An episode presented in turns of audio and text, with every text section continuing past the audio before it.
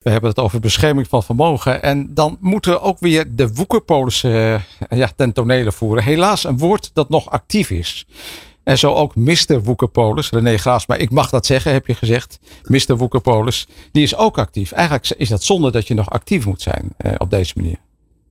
Uh, ja, en, Toch? ja het, het, is bijna lachwekkend. Het is Ja. ook verwonderlijk. Wat, wat is ook alweer zo'n Woekerpolis? Even heel kort. Uh, volgens de, de meest zuivere definitie uh, op het woord en uh, naar de zin. Daar volgen we meneer Wabeke, de voormalige ombudsman levensverzekeringen. Ja. En die heeft vastgesteld dat de definitie is een beleggingsverzekering waarin niet transparante, verborgen kosten en te hoge premies zitten. Oké, okay, en, en op een gegeven moment uh, ben jij daar ook achter gekomen. Dan praten we wel over heel wat jaren terug. Uh, toen heb je je eigen verzekeringskantoor verkocht en ben je daarop op gaan storten. Uh, en je hebt ook een eigen herstelmethode bedacht. Hè? Ja, ja, Roelof, ik heb de eer dat die methode mijn naam draagt. Ja, de Graafsma-methode. De Graafsma-methode, ja. En uh, door uh, bepaalde omstandigheden heb ik ervoor gekozen om het uiteindelijk maar de G-methode uh, tot de G-methode te herbenoemen. Een G-spot, ja. Ja, ja. Pas op waar je nu bent, hè. Want je bent, je bent hier op het Mediapark. ik had voor de vorige spreker die hier uh, achter me zit, Raymond, had ik ook een leuke zin bedacht.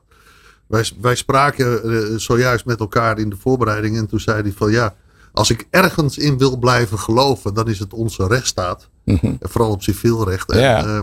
Toen, had, uh, toen sprak ik uit van nou, daar kan ik je wel een knuffel voor geven. Want het gaat hier ook echt om de rechtsstaat. Ja. En over het rechtsgevoel. Ja. En over rechtvaardigheidsgevoelens en uh, dat soort zaken.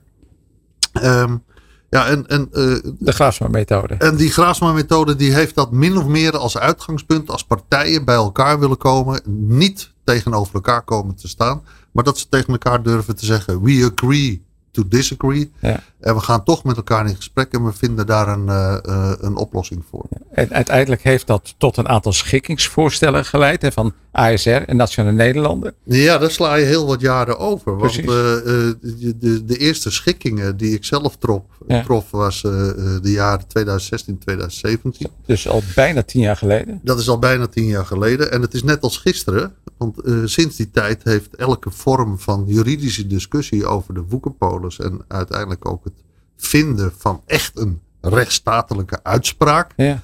Die heeft al die tijd op zich laten wachten. Um, uh, maar de eerste schikking uh, die echt groot benoemd is geworden. Naast alle andere schikkingen waarbij ik aan de basis heb gestaan. Is die van Allianz. Mm -hmm. um, ook daar stond ik aan de basis. Ja. Vanwege omstandigheden op een soort stille achtergrond. Maar ik heb al mijn invloeden daarop uitgeoefend. En uh, na de Allianz-schikking komen er nu nieuwe schikkingen aan de orde. Um, want het zijn nog helemaal geen schikkingen. Even de bedragen noemen waarom het gaat. Het gaat uh, bij de ASR, waar ook nu de Egon onder valt, om een bedrag van 250 miljoen aan beschikbaar hm. voor de mensen die zich aangemeld hebben bij een belangenbehartiger. Daarbij, voor diezelfde clubs, nog toegevoegd een bedrag van 50 miljoen euro voor uh, zogenaamde schrijnende gevallen. Ja, ja. En dat is, uh, dat is uh. Ja, dan heb je de Nationaal Nederlanden groep. Ja. Dan gaat het over 300 miljoen. en er komt nog 60 miljoen bij voor schrijnende gevallen. En als je het woord miljoen hoort, dan ben je al geneigd om te denken dat is veel. Maar volgens mij denk je daar anders over. Ja, ik, we hebben het maar weer over iets wat is nou echt rechtvaardig en wat is passend. Ja. ik kan mij voorstellen dat de luisteraar of de gewone mensen op straat denkt van jee, wat een hoop geld. Dat, dan moet je het toch wel even in perspectief plaatsen. Ik heb een registratie mogen maken van een vergadering van Nationaal Nederlander directeuren die op een gegeven moment op Nijenrode te breukelen bij elkaar waren. En die presteren het met grootste gemak aan elkaar voor één jaar 240 miljoen euro bonus uit te keren. Bij dat hele schikkingsbedrag.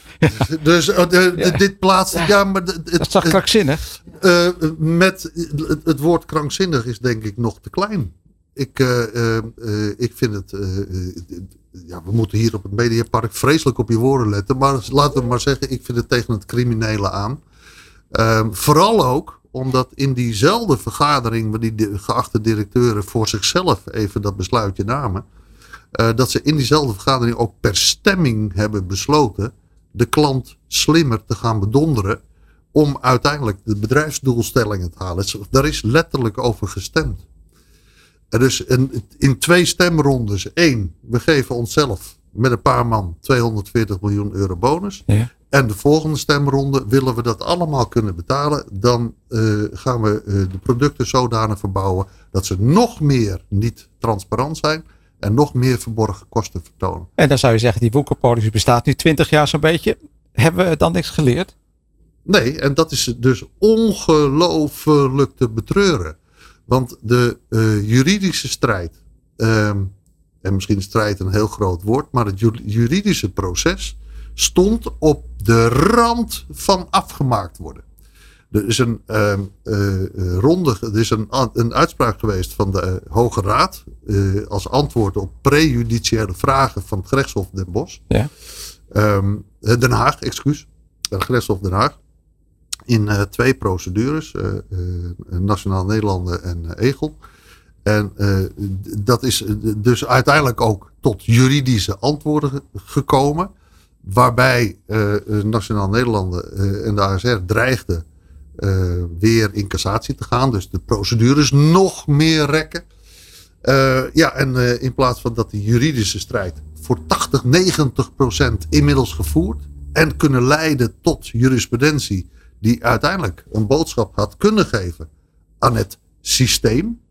Aan het hele functioneren van het financiële bedrijf. Ja, die kans is gewoon domweg gemist. En dat is ongelooflijk spijtig. Als je de systeemfouten juridisch ook echt kunt beoordelen en ook had kunnen helpen corrigeren. En voor de polishouders een echte schadevergoeding of compensatie had kunnen bereiken. Ja, eh, dat laat men nu vlak voor de eindstreep. Laat men die kans lopen. En dat is dood en doodzonde. Eh, en wat, wat kun je nou tegen doen? Nou ja, kijk, als mensen uh, uh, ouder zijn geworden. En ze zijn allemaal ouder geworden. We zijn gewoon praktisch gewoon 30 jaar verder. Uh, kleinkinderen hebben rondlopen. Uh, uh, het lichaam gaat ook niet allemaal automatisch. Dan kan ik me voorstellen dat je zegt van nou ik ben allemaal zo beu. Geef mij dat minimale bedrag maar en dan neem ik genoegen mee. Um, ik verwacht echter. ik zei net al, er wordt gesproken over een schikking. Ook in de pers en op de radio en op tv en weet ik Alsof er al een schikking is. Die is er nog helemaal niet. Er is pas feitelijk een schikkingsresultaat als 90% van de bij belangenbehartigers aangesloten mensen het aanbod hebben geaccepteerd. Ik spreek hier een verwachting voor mezelf uit, zonder dat ik daar ook maar enig belang bij heb. Dat kan ik allemaal aantonen. Maar zonder dat ik er enig... Ik denk dat ze die 90% helemaal niet gaan halen. Omdat de mensen er nadrukkelijk over na gaan denken. Nou, en om, um, maar mag, mag ik, uh, is toch een vars dan? Als, als je 90% eist en, en, dat gebeurt niet, dan hoef je het nooit uit te keren.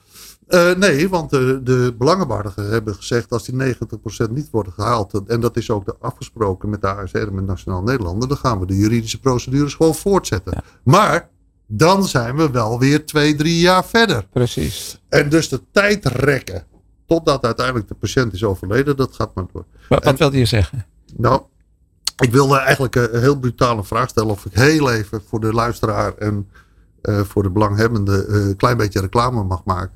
Uh, we hadden het net over 10, 12 jaar geleden, 2015 en nog Precies, 2005. Ja. Hè, dus eigenlijk ja. dat het allemaal begon. Ja. ik heb alle vormen van belangenbehartigers destijds in de loop der jaren bij elkaar gebracht. Mm -hmm. Onder de naam Financieel Verbond.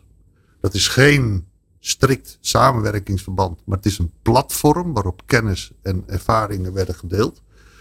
Uh, en dat heb ik nu weer uh, tot leven geroepen. Ah, dus okay. mensen, alsjeblieft ga naar www.financieelverbond.nl en dan kom je vanzelf verder. Uh, en daar kun je nadere informatie vinden over wat je kan doen om voor jezelf te beoordelen voor jezelf. En zonder dat het op, als druk op je wordt neergelegd. Alsof het allemaal al geregeld is.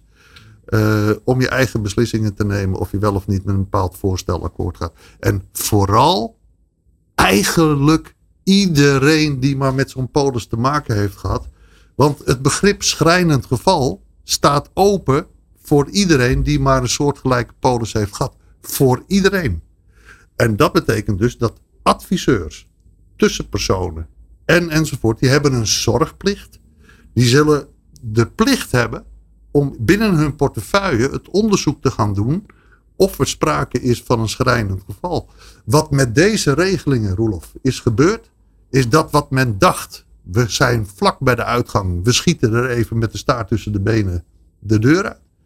Nee, en ik mag dat gewoon zo zeggen. De woekerpolis begint eigenlijk vandaag. Zo, dat is wel even een statement. Woekerpolis affaire. Dat, dat is een statement. Dus financieelverbond.nl en dan kun je daar beoordelen wat je, wat je mogelijkheden zijn. Je kunt je aanmelden uh, voor een, uh, uh, een, een, mooi startbedrag van 17,08 euro.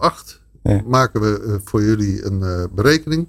Een inschattende berekening wat je aan redelijke wijs echte compensatie zou mogen verwachten. Dat kun je vergelijken met datgene wat je anders gaat krijgen. En er staat een procedure beschreven waarmee je kan worden getoetst of je wel of niet een schrijnend geval bent. Want het toetsen van schrijnende gevallen, dat is vakwerk. Dankjewel, René Graasma. Financieelverbond.nl